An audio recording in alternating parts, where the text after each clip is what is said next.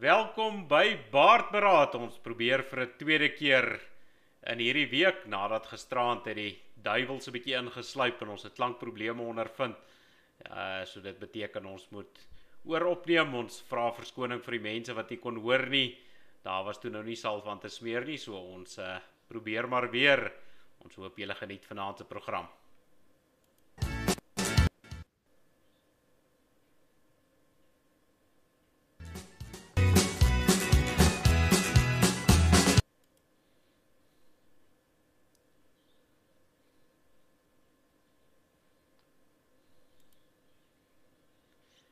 As hy welkom Cornelius, ek weet nie, lyk my die duiwel is nog los met hierdie masjiene wat ek nie lekker verstaan nie. Ek sien die ding se oorskakeling vat 'n bietjie lank, maar kom ons kyk of ons dit kan regkry vanaand.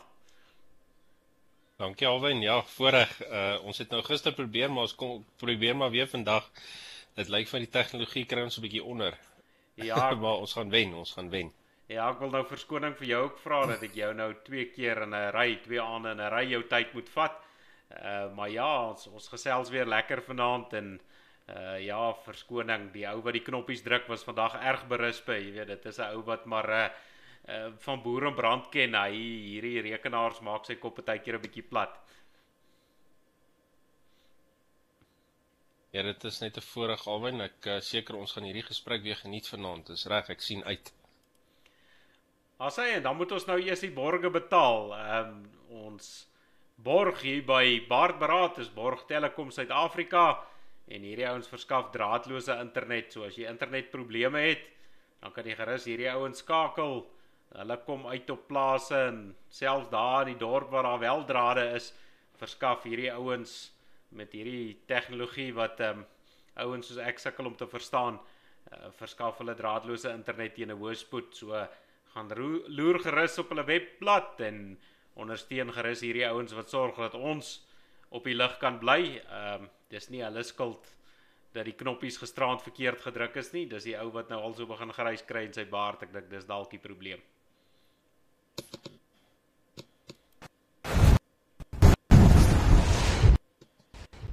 Ehm um, Cornelius, ja, dan uh, terwyl ek hierso sukkel weer met die knoppies, uh, gaan ons hom eendag reg kry as ons groot is.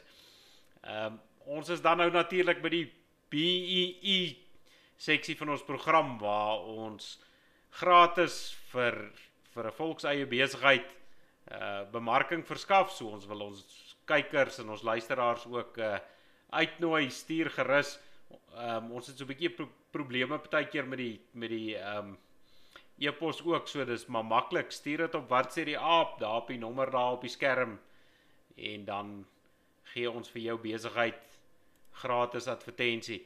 Hierdie week is die gelukkige ouens is 'n uh, ProAct Fire Services en hierdie ouens verskaf brandblussers en hulle diens die goede en hulle diens brandtolle en dan doen hulle ook tekens, uh brandtekens en ontsnaptekens. Ek weet die ouens gaan koop gewoonlik die tekens by die eysterware winkel en dan as ouens soos ek of die brandweer by hulle uitkom en raas ons omdat die manne die verkeerde tekens op het die goed moet aan sekere SABS standaarde voldoen en ProAct verskaf vir jou die regte tekens. So jy gaan nie twee keer hoef te betaal vir vir dieselfde ding nie en hulle ehm um, ek doen nou al jare self met hierdie ouens uh besigheid en dit is manne wat regtig 'n goeie diens verskaf en hulle verkoop nie aan jou goed wat jy nie nodig het nie. Net hulle verskaf etiese diens. En ehm um, ek dink dit is belangrik in vandag se tyd. En dan het hierdie ouens Cornelius, ek het nou-nou so 'n bietjie die verkeerde knoppie gedruk, maar ons gaan nou weer probeer. Hierdie ouens het nou so lekker videoetjie ook gemaak, so bemarkingsvideoetjie en ek dink dit uh help sommer vir ons program ook. So uh, ja, kyk gerus, kom ons gooi hom.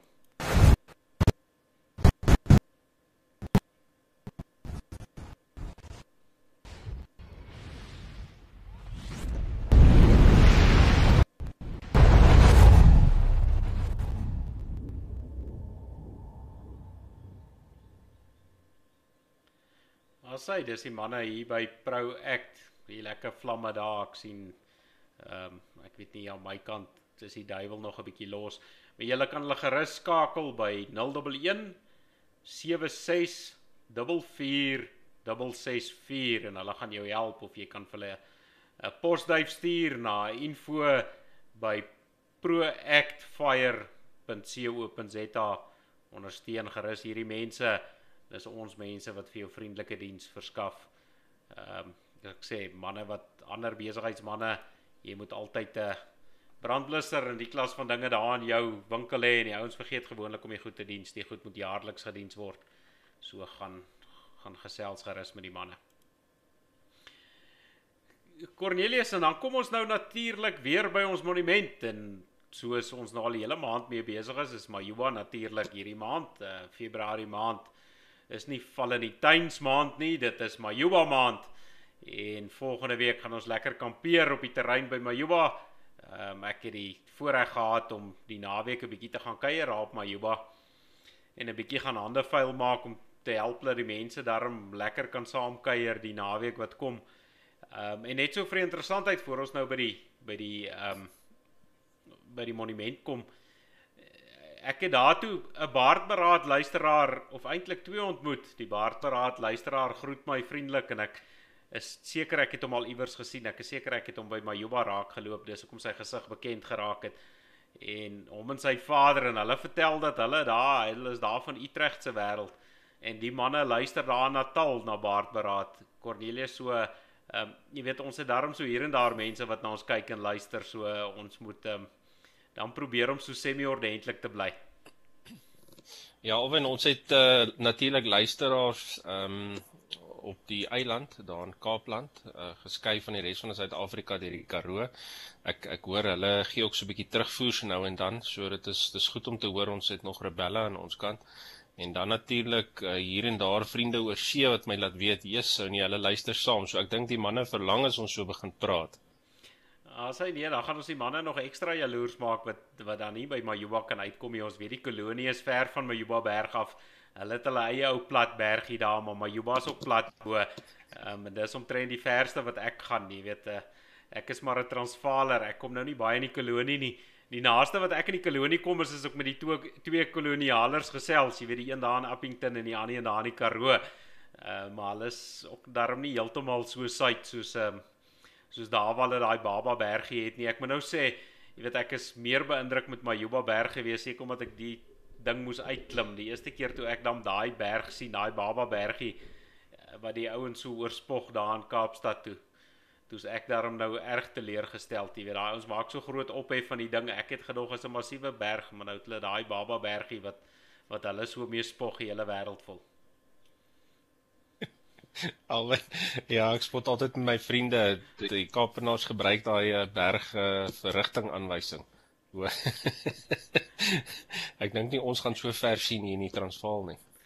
Ja, nee wat um, ek moet hom sê ja, as ek daarom daar in die kolonie kom en nou ook dan om daar meer wes te gaan, jy weet daar in die Noord-Kaap en die Weskus is nou meer my wêreld as daar in die stad. Ehm um, die stad is 'n vreemde plek. Ek is nou nie ou gebou vir die stad nie alhoewel ek nou hierdie kant in die Transvaalse stede werk, um, is dit seker nou maar dieselfde gemors in meeste van die stede deesdae. Maar Karneels, kom ja. ons kom ons kom uit.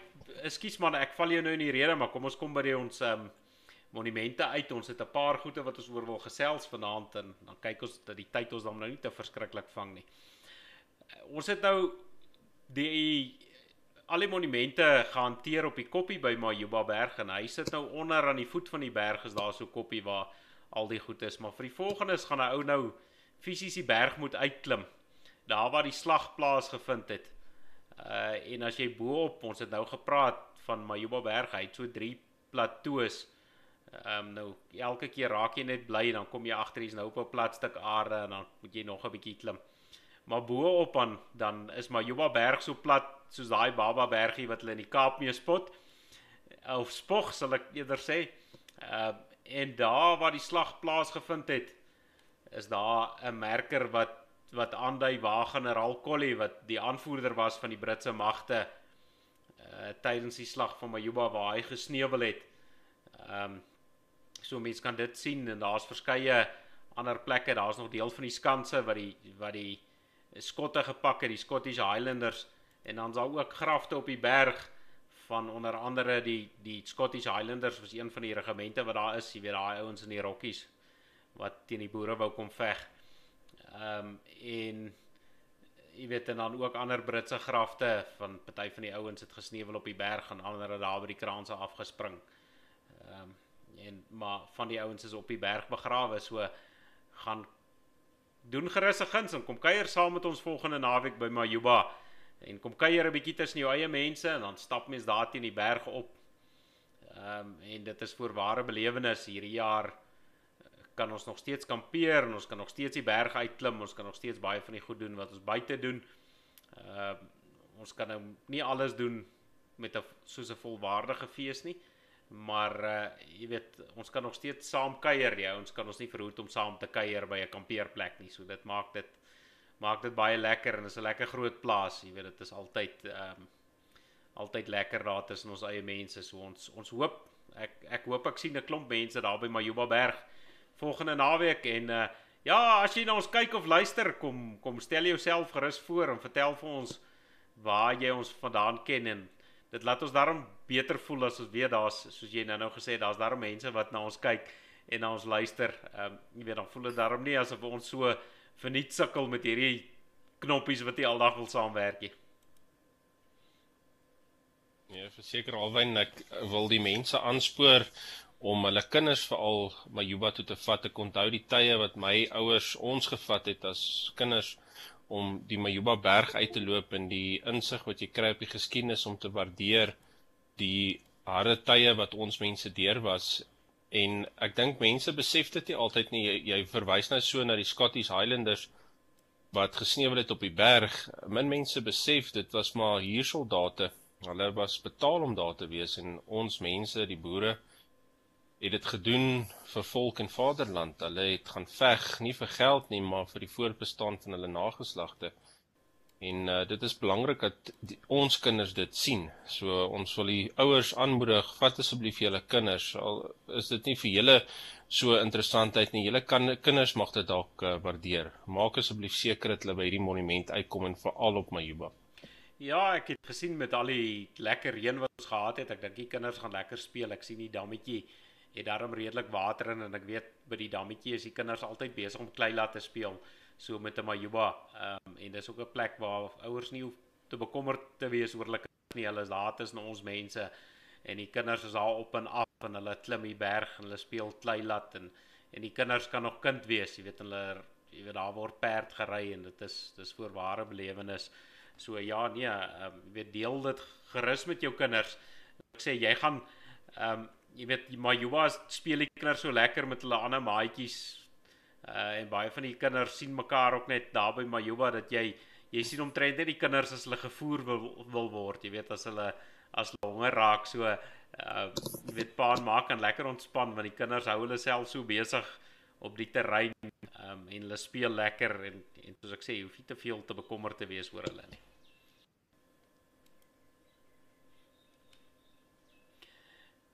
Cornelius, kom ons gaan dan na die possak toe. Ek uh gaan gou kyk hierso weer die possak goede bymekaar kry en die manne vra weer vir ons moeilike vrae. Daar's daar's een ou wat nou 'n ernstige vraag vra wat ons maar vanaand gaan gaan hanteer maar so ter wille van van volkshulp. Ehm um, maar uh, ja, die ouens vra weer lekker vrae. Gooi gerus jou vrae, stuur dit uh, daarna die die WhatsApp boodskap toe of of 'n lewer kommentaar op op YouTube of op Bakkiesblad en ons gaan kyk en dan die lekker lawwe vra en dit pas in. Ons hou daarvan om te lag hier by Baardberaad. So stuur gerus jou vrae in en ons uh, ons hanteer dit gerus. So ja, dan kyk daag ons maar uit. Ons ons ons kyk of ons jou kan antwoord. Ons ons sukkel nie. Ons sukkel baie keer. Ehm um, Johan weet ek het het gesukkel so 2 weke terug. Ehm um, ek weet nie, lyk like my hy's bang. Ek weet nie of hy bang is vir sy vrou of bang bang vir die volk nie, maar hy wou nie regtig die vrae beantwoord nie. Hy het dit nou maar in my onbekwame hande gelos. Alwy kom ons kyk. Ek ek ek het so vermoed ons gaan dalk so een of twee moeilike vrae kry vanaand. as hy die eerste een sê, beste Alwyn, as Elon Musk nou op Mars land, aan wie behoort Mars? Watter wette moet hulle onderhou? Daar is sommiges wat beweer Amerika se wette moet tel, ander wat beweer hulle moet hulle eie nuwe wêreld begin en wette maak soos hulle wil. En dan maak hy nou opmerking sê dalk val ou Zuma onder die nuwe Mars wetgewing en kan hy daar maak wat hy wil. Mooi bly van Mike. Ehm um, Cornelius, watse wette dink jy gaan daar gaan daar geld? Uh dis nou 'n moeilike vraag want kyk nou Elon Musk is mos 'n ons het juis gepraat oor die kolonie met Lebaba Bergie. Hy kom ons eintlik van daar af voor hy nou Amerika sy fortuin gaan maak het. Watter wette dink jy gaan gaan uh werk op Mars? Uh alwyn ja, belangrik om te onthou dit is nie regering wat uh in hierdie geval dink ek die Mars gaan beset nie, so dit sal koöperatiewe wetgewing wees. ons gaan nou net moet seker maak uh, ons kan dalk 'n voorstel maak en sê hulle kan Zuma aanstel. Ehm um, hy hy gaan dalk die ouens uh uh goed beneek daarso en die geld wat hulle kan terugbring die kant toe of die goud of wat ook hulle daar kry. Maar uh moeilik om te sê uh, kom ons kyk maar. Hulle hulle sê so Elon Musk is nou die eerste ene, maar ek sien die Chinese en die Arabiese Emirate het nou ook uh, tye wat op pad is met hierdie rower goed. So kom ons kyk. Uh, Elon Musk is nou vol selfvertroue om te sê hy gaan nou die eerste wees. Kom kom ons kyk wie gaan hierdie ene wen. So vir ons hoop ons is Elon Musk, die Chinese weet ek nie of dit so 'n goeie ding sal wees nie. Ja, ek moet nou sê as ek so kyk na wat gebeur daar op Mars en dan kyk jy foto's dan ehm um, dink ek Afrika se wette het al lankal daar ge, gegeld want ek dink alles lyk of hulle klaar weggedra is daar so. jy weet miskien is die ouens wat wat die wetgewing kom maak klaar te laat, miskien kry hulle daar ander ouens wat al reeds hulle intrek geneem het wat hulle nog net nie van weet nie. Ja, die, ek dink dat die verskil daar is hulle het dit reg gekry om die atmosfeer te steel. Hierso sukkel hulle nog so 'n bietjie met dit. Ja nee, dit is 'n dis 'n geneek soos ek sê, ehm um, ja, verskoon maar as ek so nou en dan wegraak maar lyk like my dit is dit kan net 'n verbetering wees. Ehm um, maar hier's nou 'n duiwel los vanaand op hierdie program uh wat nou nie heeltyd wil wil saam speel nie. Uh as jy ons 'n oomblik gee dan kyk ons ah sy daar gebeur die dinge nou weer ehm um, Kerneels ja nee, ek dink die laaste dae ek, ek weet nie of hier Zuma hand hier in is nie want of iemand op die draad trap of iets nie want dinge wil nie saamwerk die laaste 2 aande nie. Hier gebeur goeie wat nog nooit voorheen gebeur het nie. Ehm um, maar kom ons kom ons gaan ons volgende vraag toe. Ehm um, hier's 'n ou wat wat nou 'n probleem het. Hy sê alwyn, kyk broer, die Vrystaat is nat. En saam met die nat skiet se kind. Ek lyk elke aand soos 'n ding met masels soos wat hulle my pak. Maar nou het ek twee vrae. Kom ons kom ons hanteer die twee vrae sommer so een op 'n slag. Die eerste is irriteer mekaar ook as hulle so zoom. Ek meen as die een nou dik gevreed daar teen die plafon sit en die ander een draai en zoom om sy ore, dink jy hulle raak ook gatvol vir mekaar?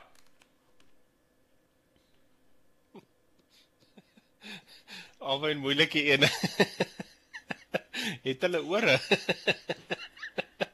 dis dis nou nogal 'n interessante vraag. Ja, ons sal maar uh, jy weet prof Erik Hollem en daai ouens wat so kyk na die insekte en die goeie, hulle sal maar moet vir ons laat weet of of muskiete kan hoor. Ehm um, maar ek weet het hulle nie net gesê die vrou dis net die wyfie muskiete wat bloed suig nie. Nou wonder ek ehm um, of dit ook net die wyfie muskiete is wat so raas en jou so irriteer, jy weet wat so zoom in jou ore. Ehm um, ek ek wonder, miskien kan iemand daai vraag vir ons beantwoord. Gooi hom in die kommentaar ouens wat weet van muskiete, uh, maar dit klink nogal vir my, jy weet die die man is mos gewoonlik stil en stemmig. Hy sit daar op sy plek. Jy weet ek dink hy is die een wat dik vol uh, dik daar teen die plafon sit. Ehm um, Ja, dis 'n dis 'n interessante een. Miskien kan die ouens wat meer van insekte weet ons help.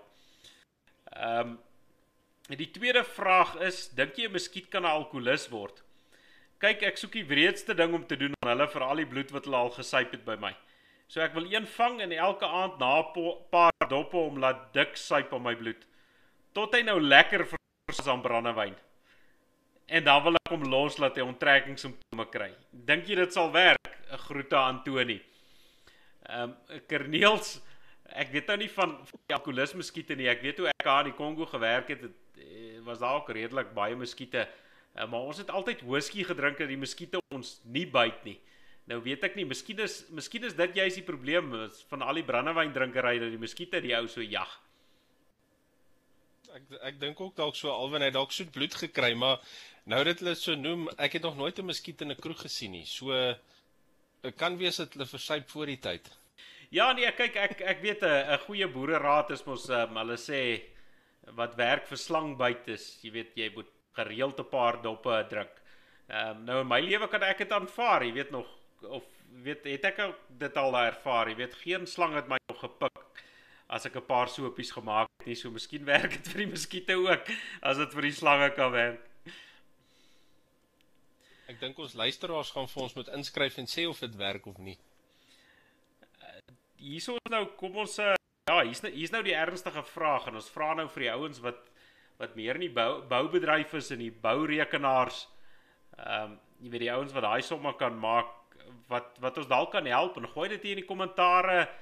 Uh, neem gerus deel die die ouens wat nou van beter weet. Sê oom Alwyn, kyk julle manne uh, kan julle slim manne vir my help asseblief? Ek het 'n vrou en twee jong kinders en ek is gatvol vir die misdaad hier in Sentraal Transvaal. Die ou gebruik nou Gauteng, maar ek weet van beter. Ek beplan om Orania toe te trek. Ek wil 'n skeepshouer se huis bou. Is hierdie houers goedkoper en vinniger om mee te bou as om met stene te bou? Ek het so 500 000 rand en wil graag daar gaan bou en woon. Ek moet my geldjies maar twee keer omdraai.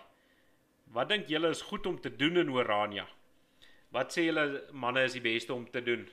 En dan groete van Willie daar van Verwoerdburg. Hy gebruik ook nou weer ander naam daar, maar ons sal vir Willie reg help. Jou baard beraad gebruik ons volks eie name. Uh, maar uh, ja Cornelius, ek weet nie, weet jy van hierdie skeepsvraghouers se bouery? Ja, ja, alwen ek het dit al gesien en ondersoek. Ehm um, Ek ek weet net nie ek hoor nou daar word nou die installasie goed ingesit, maar ek weet nou nie hoe warm of hoe koud die goed gaan wees nie.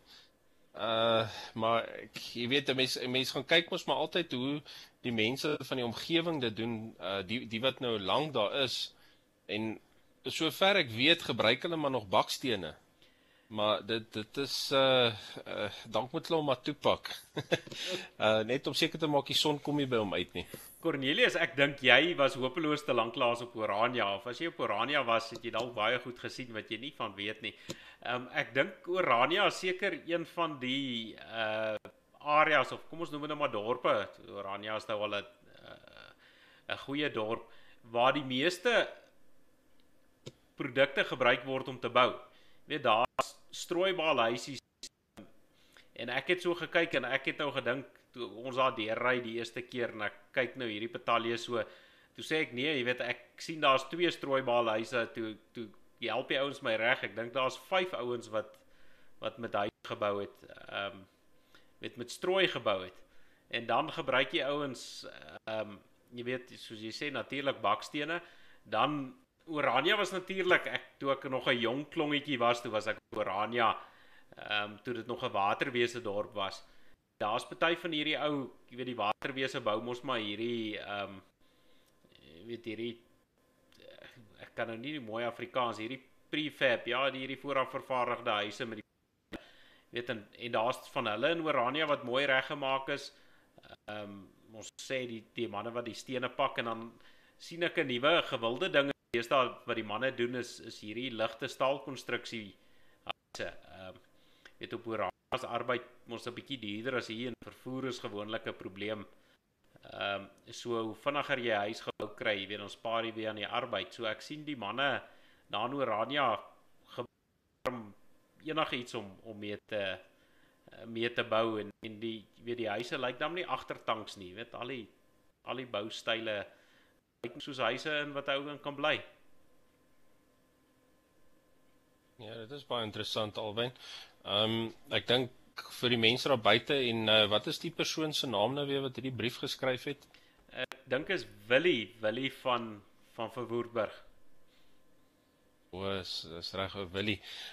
Willie, uh, ek ek dink jy gaan dalk so 'n bietjie moet gaan draai maak en gaan ondersoek instel daar in Orania. Dit gaan dalk goed wees om die die plaaslike inligting te kry. Ja, en en ek ek sien nou Willie vra nou wat gaan doen mense in Orania as die as die Orania manne laat weet weet ehm um, jy weet hulle moedig gewoonlik die ouens aan om om self werk te gaan skep daar en jou eie ding te gaan doen. Ehm um, so party beroepe is natuurlik gemakliker om te doen in Orania, jy weet so as jy 'n beroep beoefen wat wat die tegnologie dit deesdae makliker maak as dit nou nie so neek soos hier by ons die laaste twee aande nie Ehm um, jy weet dan en jy kan vergaderings en goed so virtueel doen en baie van jou werk so doen dan dan dink ek dis 'n ideale geleentheid om na te kyk. Jy weet so tipe iets. Ehm um, ek sien die manne in Orania, daar's oomie wat hy was eers ek ek gaan nou jok as ek sê wat 'n bedryf is hy maar hy het nou 'n lekker goed fabriek daar opgesit en hy maak goed.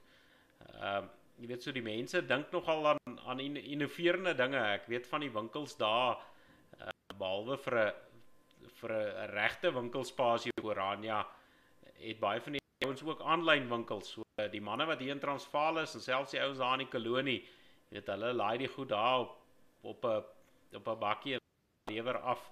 So jy weet mense Orania's ondersteun al bly jy nie daar nie. Jy weet ons ons baie manne koop mos maar baie goed hier aanlyn. Ek weet daar's byvoorbeeld 'n klerewinkel in Orania wat so aanlyn diens verskaf. Ehm um, so ek dink dis maar die goed wat by my opkom. Ek weet nie die die die mense moet laat weet en as daar Oraniaars is wat ons na ons luister, is daar help vir Willie um, om 'n plan te maak en en uh jy weet dat ons ons ons mense op Orania kry dat hulle daar by mekaar kan kom. Ek is altyd jaloers op die manne wat wat wel daar kan bly.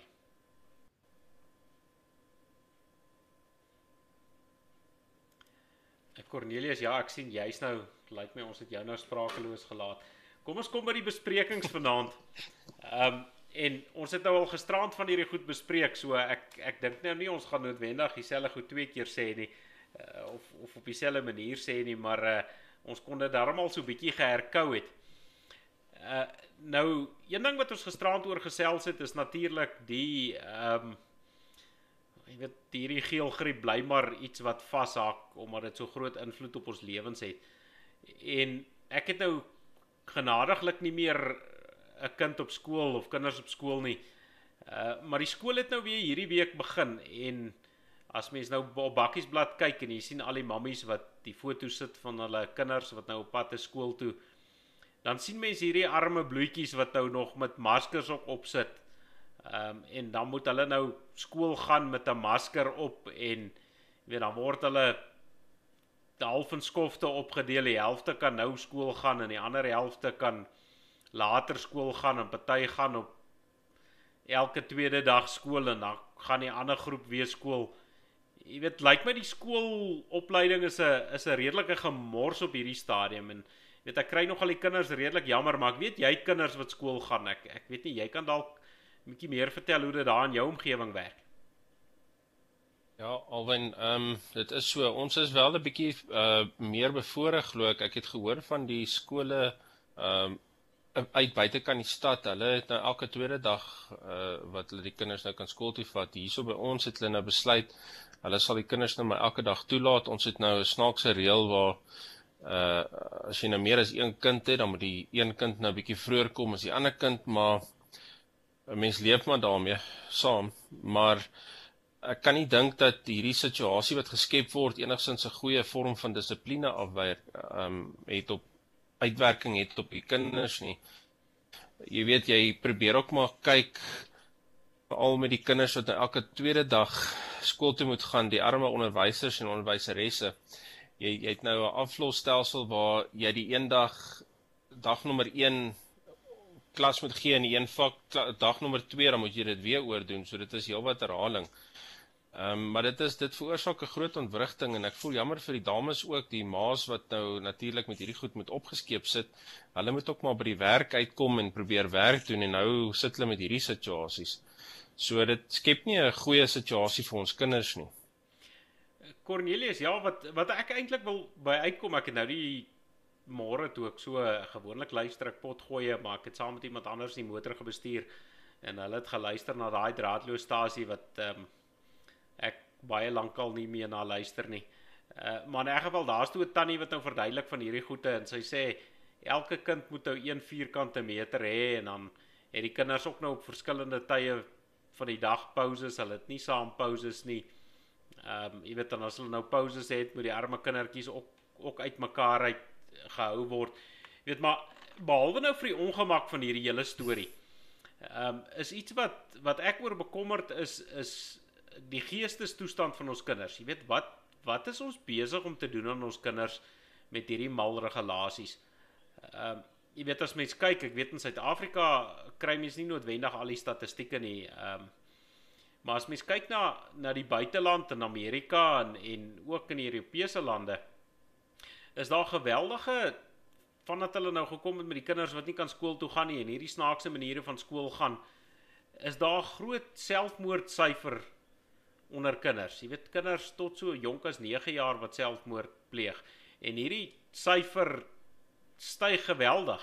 Jy weet dit is dis nie net 'n klein syfertjie nie. Ehm um, weet daar's 'n klomp kinders wat wat uh wat doodgaan hier as, as gevolg hiervan. Jy weet as gevolg van die stres en die dinge wat wat hierdie reëlings op hulle sit. Ehm um, jy weet ek weet nie hoe ervaar jy dit met jou kinders daar by jou? Wat uh wat gebeur met met jou met jou kinders? Hoe hoe ervaar hulle dit? Ja, Alwin, daar's verseker 'n uh, 'n massiewe frustrasie met die kinders. Jy kan sien hulle het hulle ma, hulle maatjies nodig, hulle moet speel, hulle moet by die skool wees.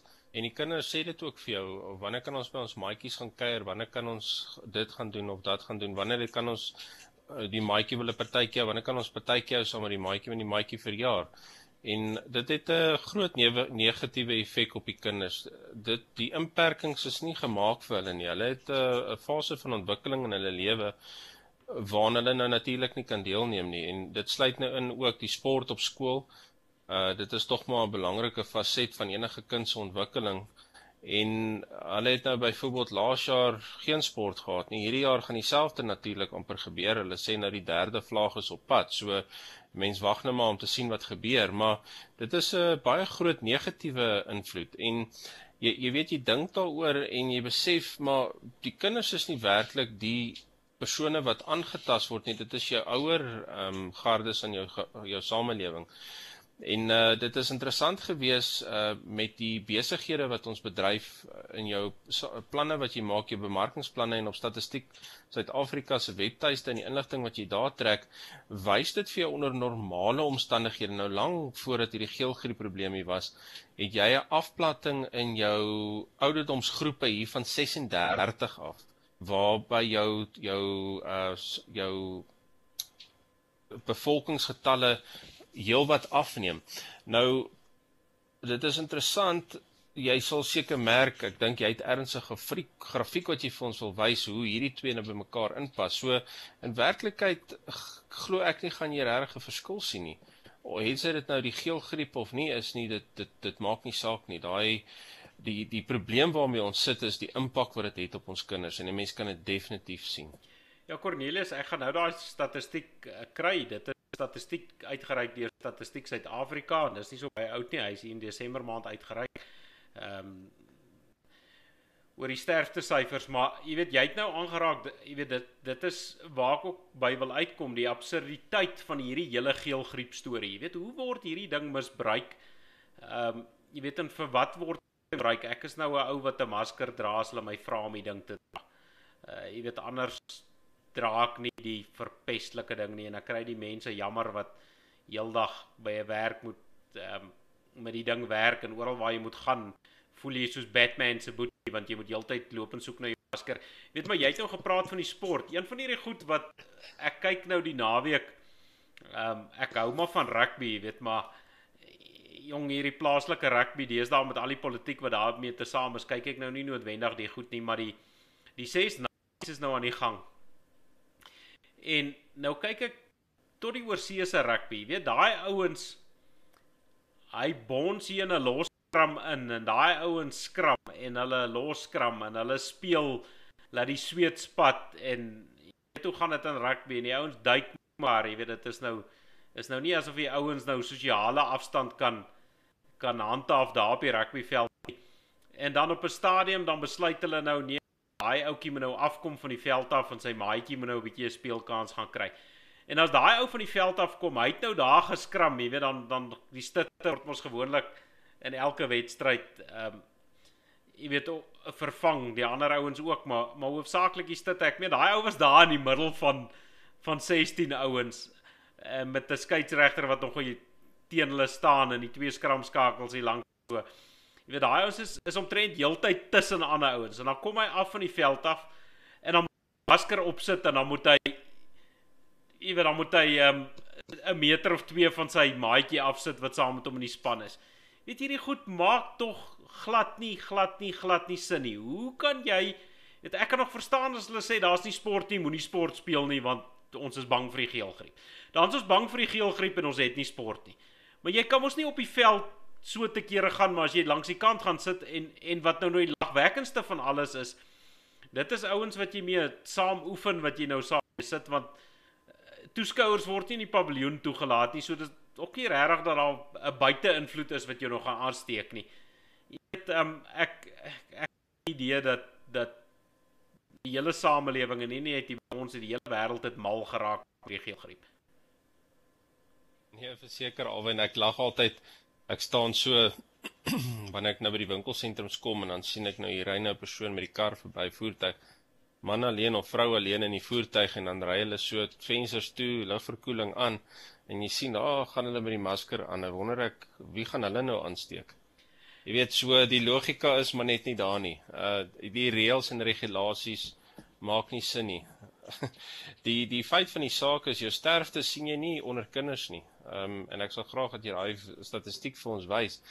So dit dit dit maak net glad nie glad nie sin die toepassing van hierdie goed nie. En soos jy reg sê met die sport ook, uh, een van my vriende het laasweek my gesê, maar hy kan dit ook nou nie verstaan nie. As hulle op die veld is, dan kan hulle die maskers afhaal en hulle sweet en gaan aan en tackle mekaar en al die goed en dan die oomblik as hulle van die veld af gaan dan met die masker opgaan. Daar's net nie logika daarin nie. Glad nie. Ja nee, jy praat nou jy het jy nou al gesien hoe verward is en al hierdie karate tree die ouens uithaal as jy net jou hand uitsteek om om 'n ou te groet. Jy weet die ou weet nie moet hy hand of voet of boog of jy weet aan die helfte van die ouens is te bang om jou hand te vat. Um, so ek maak dit as 'n reël oral waar kom steek ek my hand uit en uh, dan gaggel ek my dood vir al die trieke wat hierdie ouens uithaal. Uh, maar nou ja, kom ons kom ons kom by hierdie statistieke uit. Uh, vir die mense wat nou op die skerm kan kan kyk, kan nou kyk daar gaan die statistieke so rukkie oplos en dan gaan ons vir die ouens wat nou nie kyk nie, maar wat luister, gaan ons nou verduidelik wat hier staan. Nou, soos ek sê, hierdie is Suid-Afrikaanse statistieke en dit is nou ehm um, dooies per ouderdomsgroep per 1000 van van die bevolking. Ehm um, en hulle begin nou net tel van van 10 jaar af op. Hulle het nie die die kleinkinders nie, maar weet die kleinkinders uh, is in 'n geval, jy weet hulle hulle kry dit Nou nou as ons na die statistiek toe gaan, dan kyk ons of dan sien ons dat mense wat ehm um, of kinders wat dan in die ouderdom van 10 tot 19, dis jou skoolgaande kinders. Ek weet hier in Suid-Afrika raak hulle baie keer tot 24, maar ons ons los dit nou maar eers daar. Ehm um, dis net in party skole. maar maar as ons kyk na die na die ehm um, statistieke die 10 tot 19 jarige kinders, dan's dit vir seuns en meisies is dit 0.00. Ek weet nie hoeveel nulle moet jy nog bysit tot daai 1 kom nie. Ek is seker daar seker enkele sterftes, maar ehm um, jy weet dit is dis ook nie uniekie by ons nie as mens na Amerika se stati statistieke kyk wat se sterftes al in die honderde duisende is. Is kinders wat dood is aan die geelgriep nog steeds in enkel syfers. Ehm um, jy weet en nou as mens nou kyk na skoolgaande kinders en ek weet ek ehm um, jy weet eh, kinders wat nou wat nou ander siektes het en en wat nou 'n gevaar het, jy weet ek sê nou nie moet hierdie kinders blootstel nie, maar daai kinders gaan in 'n geval nie skool nie. Hoekom doen ons dit aan ons kinders as dan as ons kinders nie doodgaan van dit nie? En aan die een kant praat hulle van van hierdie kudde ehm um, immuniteit wat ons moet opbou. Jy weet met ander woorde, hoe meer mense dit kry en jy het nou klaar die siekte gehad as jy die klaar immuun teen die ding dan hoef jy nou nie so sirrel uh, spuitjie te vat nie.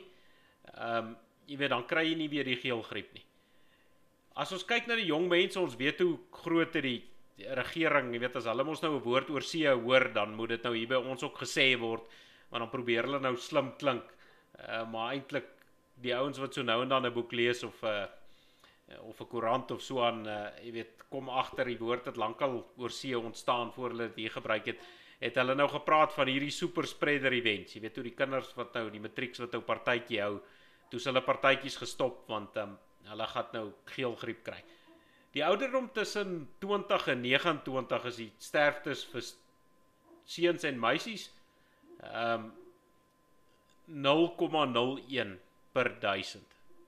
So as my somme nou reg is 10 soos 1 per 100 000 wat die geelgriep kry wat wat daarvan doodgaan. Selfs die ouderdom groep 30 tot 39 gaan dan dit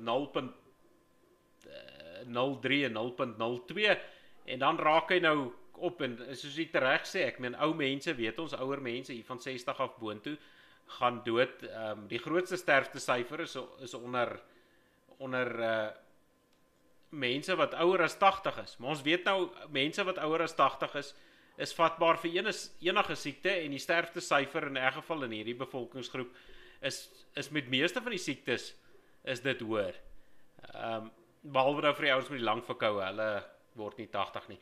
Maar jy weet hierdie hierdie hierdie kort griep van die ouens nou Jy weet en ek laat ek net hierdie statistieke hier afval dat ons mekaar weer in die oë kan kyk. Maar hierdie goed maak tog nie vir my sin nie. Jy weet hoekom word daar so groot groot ophef in die wêreld gemaak as ons kyk na hierdie statistieke. Dan kyk ons nou hier Cyril, ek sien vandag vra die ouens nou regtig of ou Cyril nou regtig die spuit gevat het of nie. Sal kyk of sy oë begin uitpeel dan sal ons weet. Ehm um, jy weet maar die, die ons weet nou die carry die carry of of die Gupta en stof wat nou verlede week hier kom probeer hulle nou weer terugsmous aan die Guptas en dan Indië terugvat. Ek weet nou nie hoe suksesvol is hulle daar nie maar nou het hier 'n eh, klomp Johnsons en Johnsons en stof ingekom. Maar ek dink ook nie baie nie. Ek dink so 80000 dosisse. Ek dink met die miljoene mense hier by ons gaan dit nou nie regtig 'n merk maak nie maar hulle sê dis nou die ehm um, vir die gesondheidswerkers wat dit nou eers moet vat en nou staan al die politici in in die ry, jy weet, want ehm um, hulle hulle is mos so belangrik. Hulle kan nie doodgaan van van enigiets nie. Maar nou hierdie Johnson's and Johnson's entstof is blykbaar net 66% effektief vir 'n siekte. Ons het nou gekyk oor die lae ouderdomsgroepe wat amper niemand doodgaan as jy totale statistieke kyk. Ehm um, is as jy nou die geelgriep kry, uh, jy weet dan ehm um, is jou, jy weet, is is die ouens wat oorleef daarvan hier in Suid-Afrika, dink ek hier by die 96% of dalk uh, 95.5%. Jy weet maar dis hoog in die 90, so jou kans in 'n geval om om te dooi van hierdie tensy jy nou ouer as 60 is, is in 'n geval bitter klein. So jy weet, uh, dink jy dis dis die moeite werd om hierdie enorme klomp geld op hierdie enstof te spandeer? Nee, verseker nie alwen jou hulle kon dit eerder voorsiening gemaak het vir die ouer populasie, maar soos ons vroeër gesê het is as jy gaan kyk na statistiek Suid-Afrika se statistieke lank voor die geelgriep uitgekom het, het jy 'n definitiewe afname, nie net 'n afplatting nie, maar afname in jou bevolkingsgroei gesien. Nou op die ouderdom van 36 het jy 'n grafiek wat totaal en al begin inloop het na bo soos 'n kersboom omtrent. en die grafiek wat jy nou hier gewys het, verteenwoordig presies daardie tendens. So mense kan nie sê dat hierdie enigsins regtig 'n groter impak gehad het op sterftes nie. Ja, jy het dit wel dalk hier en daar gesien met mense wat jy geken het en so, maar dit het nie 'n noemenswaardige impak gehad om te sê ja, dit is nou 'n massiewe epidemie en ons moet nou almal en en stowwe kry en al die tipe van goed nie. Ehm um, ek, ek kan dit werklik nie sien nie. En as jy kyk na 'n en stof wat net 66% effektief is, Ehm um, dit is net so goed soos iemand wat amper pluk op skool. Ek jy kan nie sê 66% is 'n slaagsyfer nie. Dit is ook daarom nou maar nie goed genoeg nie. Ek moet ek moet dan daar as ek 66% vir my wiskunde gekry dan dan het ek daarom goed gevoel. So ek moet nou nie 66% so so vlak kyk nie. nee Cornelius, maar uh, het jou onderwysers jou dan gehelp om deur te kom? Hulle het my probeer deurvoeter, maar dit het nou nie noodwendig gehelp met die punte op die rapport nie, maar ehm um, ja dis dis nou 'n storie vir 'n ander dag. Maar maar Cornelius, ja wat ek wat ek nou wel wil sê en ehm uh, jy weet ek weet ons gaan dalk party mense kwaad maak nou oor ons bespreking vanaand. Weet daarmee wil ek glad nie ontken dat daar nie mense is wat dood gegaan het nie. Ek weet van mense, eh, jy weet begrafnisse wat ek bygewoon het, mense wat ehm um, wat kennisse van my is, jy kon nou nie by almal se begrafnisse bykom nie of bywoon nie want ehm um, jy mag mos nou net 50 mense by 'n plantery wees, jy weet um, dan mag jy nou nie meer daar kom nie. So baie van die geliefdes kan nou nie meer, weet kon nou nie begrafnisse byhou nie. Maar jy weet ek verstaan dis 'n probleem En ek verstaan daar gaan mense dood, maar as 'n ou na die statistieke, jy weet, kyk dan dink ek daar's nie soveel mense wat doodgaan. Jy weet of 'n ou se kans op oorlewing is is enorm groot. Ehm uh, ja, dis dis sleg dat daar mense doodgaan, maar jy weet dit dit wys ook ek ek het nou die dag 'n praatjie geluister toe sê hulle van die mense wat regtig dood gegaan het van die geelgriep. Ehm um, is is daar bykans niemand wat nie 'n ander onderliggende siekte toestand gehad het nie. Jy weet 'n bydraende faktor as ons dit so noem. Jy weet so die ou se gestel wat al af was, 'n immuunstelsel wat nie wat nie so so goed was nie. Ehm um, jy weet so nou is my vraag ons het nou verlede jaar gesien en dit is nou 'n stuk statistiek en en 'n storie wat ek nou nie vir oomblik glo nie wat hulle sê verlede jaar was daar nie een gewone griepgeval in die land nie. Ek wil nou sommer hier prontuit sê hulle praat strooi. Ehm uh, jy weet dit was blykbaar nou net COVID en dan dan 'n uh, ander nuusberig wat ek verlede week gesien het was 'n non sy het verlede jaar, ek dink sy's 'n Franse non as ek dit nie mis het nie. Sy het verlede jaar haar ag ekskuus verlede week al 117de verjaarsdag gevier. En sy het net so rukkie voor haar verjaarsdag gesê die geelgriep gekry en sy het gesond geword van die geelgriep. Sy het intedeel nog gesê toe die ouens vir haar vra, toe sy sê nee wat, is nou maar tyd om te gaan, jy weet, ehm um, so dit was nou nogal nogal snaaks, maar ek meen as iemand van 117 die enkele gevalle, jy weet die geelgriep wen, uh jy weet hoekom hoekom laat ons ons kinders nie nou maar die geelgriep kry en hou hulle dan van ouma en oupa weg, maar as die kinders dit klaar gekry het, uh, ons weet ook jy weet kinders as jy weet ek dink jy's net iets vir soos 2 weke, moet my nou nie uh noodwendig uh, wetenskaplike noem nie, maar ek dink kinders as hulle dit gekry het, is hulle iets soos 2 weke aansteeklik. Maar kom ons wees dan veilig, sê 'n maand. En dan gie, dan sorg jy maar dat jou kinders met sy maatjies speel en dat hulle maar almal geelgriep kry. En dan hou jy hulle vir 'n maand van ouma en oupa weg. En dan kan hulle weer by ouma en oupa gaan kuier. En hulle kan ouma en oupa soen en druk jy weet soos dit veronderstel is om te wees. Maar wat ons nou doen is ons hou ons kinders omtrent vir 'n jaar al weg van van hulle geliefdes en van hulle ou mense sonder om die probleme aan te spreek jy weet ek dink ons gaan 'n klomp kinders kry met emosionele probleme wat hulle die res van hulle lewe gaan saamdra as gevolg van ons slapgattigheid en hoe ons dit hanteer Ehm um, want ons is te bang. Ek ek jy weet party ouers dink ek is banger dat hulle die geelgriep by hulle kinders gaan kry as wat hulle besorg is oor hulle kinders wat wat die geelgriep gaan kry. Ons het nou die statistieke gewys jou kind gaan eh, se kanse om om iets oor te kom van die geelgriep is bykans niks. Ehm um, jy weet so wat dink jy hoekom word dit so gehanteer? Is is dit ouers se bangheid uh jy weet of of waar lê die of of dink jy die ouers is net so bang gepraat deur deur die media dat dat hulle hulle kinders soos soos gevangenes hanteer. Of en ek dink ons moet onthou hierdie tipe propaganda word ook maar gedryf deur die regerings en die groot magte daar buite. Jou koöperatiewe en natuurlik jou farmaseutiese maatskappye. So uh jy moet ook in gedagte hou uh, vir al ons luisteraars dat 'n land soos Suid-Afrika sou nie die geld gekry het en ontvang het van sy bondgenote of van oorseese fondse nie. Ehm um, sou hy nie erken het dat daar 'n krisis is in die land en sou hy nie in 'n grendelstaat ingegaan het nie. So dit is een van die voorwaardes alvorens sulke tipe fondse vrygelaat word. So 'n mens moet ook maar 'n bietjie logika gebruik en gaan sit en dink maar hoekom sou 'n regering soos hierdie ehm um, dit toelaat dat ons in 'n grendelstaat ingaan? So en en 'n mens kan maar net gaan dink en gaan kyk, gaan kyk. Mense kan dit in die nuus sien, al die korrupsie wat plaasgevind het en die geld wat gesteel is. Mense sal nooit vergeet hoe julle president gesê het hy gaan seker maak dat hierdie geld nie gesteel word nie en 6 maande later toe sê hulle ondersoek die korrupsie daarvan. So weet daar's definitief 'n 'n vlak van van onderduimsheid wat dit aanbetref. Daar is geld geallokeer na besighede wat gebruik is vir allerlei ander doelwitte waar hulle nooit voorheen fondse gehad het nie. So om hulle doelwitte bereik moet hulle ook maar vrees in jou algemene publiek instoot en waar beter om dit te doen as by jou kinders. Ja, hulle kondisioneer die kinders nou al klaar vir eendag wanneer hulle groot is, maar die negatiewe impak van hierdie situasie sal ons seker eers vir 20 jaar van nou af kan meet. Dit is 'n sosiale en maatskaplike impak. En jy gaan dit eers sien die dag wanneer daai kind groot is en wanneer onder nou ma op ma en pa se vlerk uit is want ma en pa is nou maar daar om hom leiding te gee.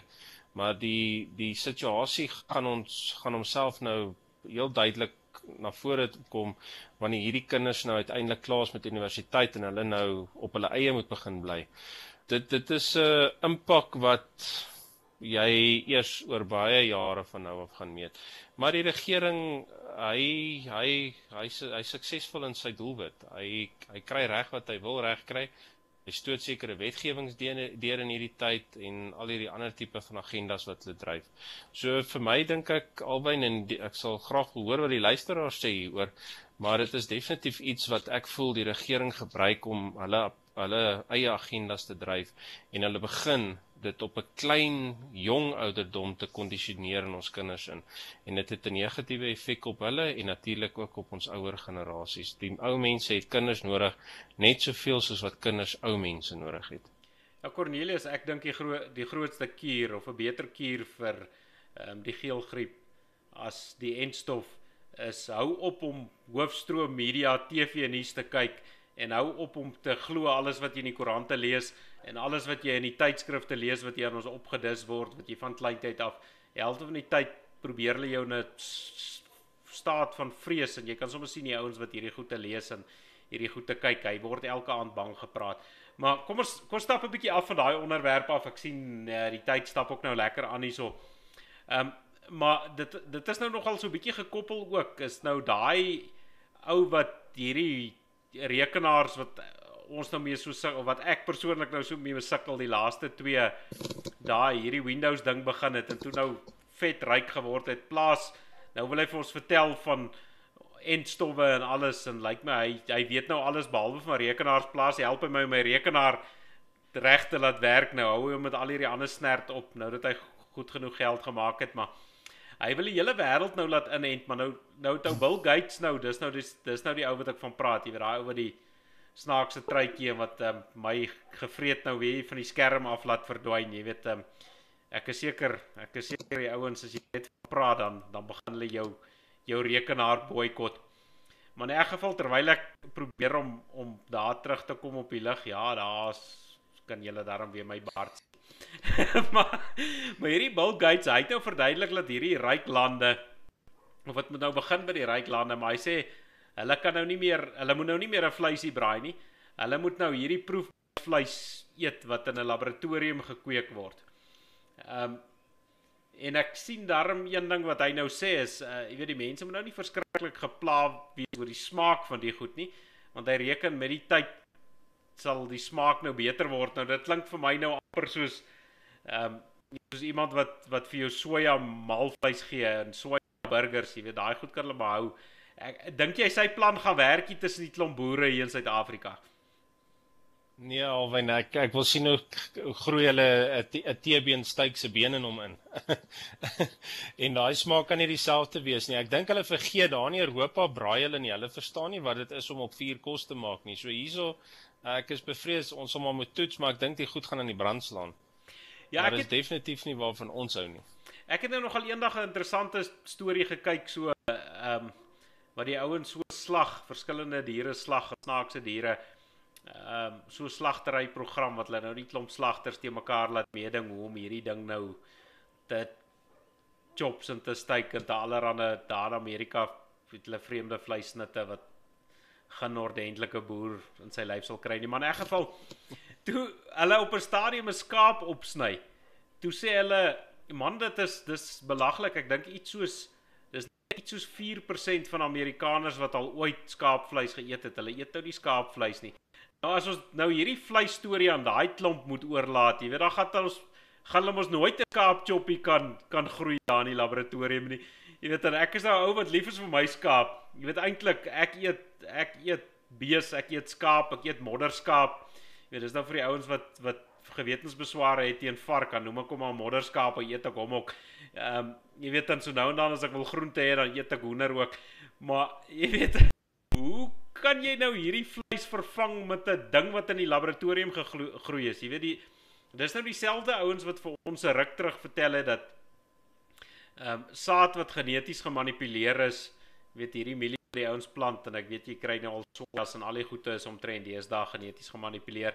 Maar nou vertel hulle vir jou hierdie goed wat in 'n jy weet net die saad is in 'n in 'n ehm um, in 'n laboratorium, jy weet, wel die saad is nie eens gemaak daar nie, hy's net gemanipuleer daar, maar dan het hulle die goed nog in grond gegroei. Ehm um, jy weet en dan wil hulle vir ons vertel hierdie goed is is is nie goed nie, jy weet en jy plant darm hierdie mielie en jy pluk hom darm, jy kan darm hierdie mielie eet, maar nou wil hulle ons iets laat eet wat net uit 'n uit 'n laboratorium uitkom. Nou ehm um, wat dink jy gaan die gesondheidsgevare van hierdie goed wees en jy weet hoe hoe werk dit goed? Ek kan nie dink dat dat as gen, geneties gemanipuleerde plante wat jy daarom nog in die grond plant, eh, daai mielie sal ek nog eet. Ek het nie 'n probleem daarmee, maar ja, ek weet dan nie of ek daai laboratorium vleis, daai proefbuis vleis in my lyf sal kry nie. Nee, verseker alwen. Die jy weet, dit kom net soos terwyl jy nou praat, kom dit in my gedagtes op. Nou het hulle nou hierdie plaatjie natuurlik waarop die uh, hormoon of wat ook al neergesit word. Nou die hormoon moet nou leef van iets en hy moet begin groei uit iets uit. En daar's nou nie grond nie. So wat is dit nou waarvan hy groei? Dit kan tog nou nie uit die lug om hom wees nie. So jy weet behalwe vir die genetiese impak en ek weet mense kla altyd oor die hormone wat in die beeste ingespuit word en dit wat in die vleis agterbly wat ons natuurlik eet. Nou kan jy jouself net indink met hierdie genetiese man, manipulasie en mense kyk nou, mense vat ons sommer terug na hierdie vaksines toe uh, wat hulle gebruik waar hulle jou DNA so 'n bietjie aanpas vir jou. Uh, Blykbaar word jy bietjie sterker daarvan. Maar mens moet nou begin dink en hierdie vleis is geneties aangepas. So watse uitwerking gaan dit op jou op jou liggaam hê? Uh as jy kyk net kyk na die invloed van hormone in normale vleis, uh kan 'n mens nie dink dat enige iemand hierdie goed sou wil eet nie. Um ek ek moet vir jou sê alwen dit is nou die tweede keer dat ons oor hierdie onderwerp praat, maar ek is nou die tweede keer na. ja, ek weet nie of mens nou of jy daai daai gegroeide vleis op laboratorium gegroeide houtok moet braai nie. Ek weet nie weet nie hoe werk daai spulletjie nie, maar Ehm um, jy weet dit is dit dit bly 'n vreemde verskynsel, jy weet en gaan nou ek sien hierdie klomp Amerikaners kom ons nou die verskriklikste name uitdink. Ek sien hulle het nou 'n klomp name vir wat ek nou sommer Afrikaans gedoop het na proefbuisvleis, maar hulle moet nou nie hulle noem dit nou nie test tube meat nie. Hulle het nou alle ander rande name daarvoor.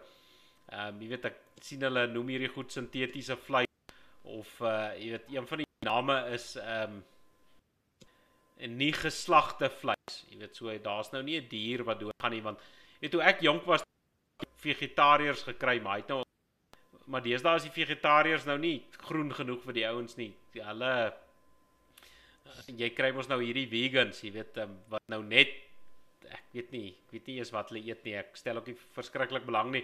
Maar ek wonder nou, jy weet hierdie vegans as hulle nou so so lief is vir hierdie diere, jy weet hoekom eet hulle die diere se kos op? Ehm um, jy weet dat jy 'n antwoord daarvoor. nee, albei. Ek kan maar net dink, jy weet, soos die mense om daar buite gaan, goeie vraag. uh, maar dit uh, ek dink hulle gaan later 'n gewetensgevoel ontwikkel vir hierdie sintetiese vleis ook. Jy weet dat dit eindig nooit net by die, waar dit was nie. Dit moet altyd 'n bietjie verder gaan. Maar uh, ja, nee, maar sintetiese vleis, dit is nou nie vir my die oplossing nie. Ek is bang jy goed slaan in die brand op die vuur. So ek gaan hom nou nie probeer nie. Ja Cornelius, maar hierdie ouens se hele redenasie maak ook nie vir my sin nie. Ehm um, jy weet eerste wil ek nou vir al die ouens wat ek ek hoop nie daar's daar's van hulle wat na luister nie. Dit sal vir my 'n skok wees. Jy weet maar as jy vat hierdie ouens wat nou net vegan goede eet, weet weet jy hoeveel insekte gaan dood met al die gif wat hulle moet spuit op daai goed sodat jy kan leef?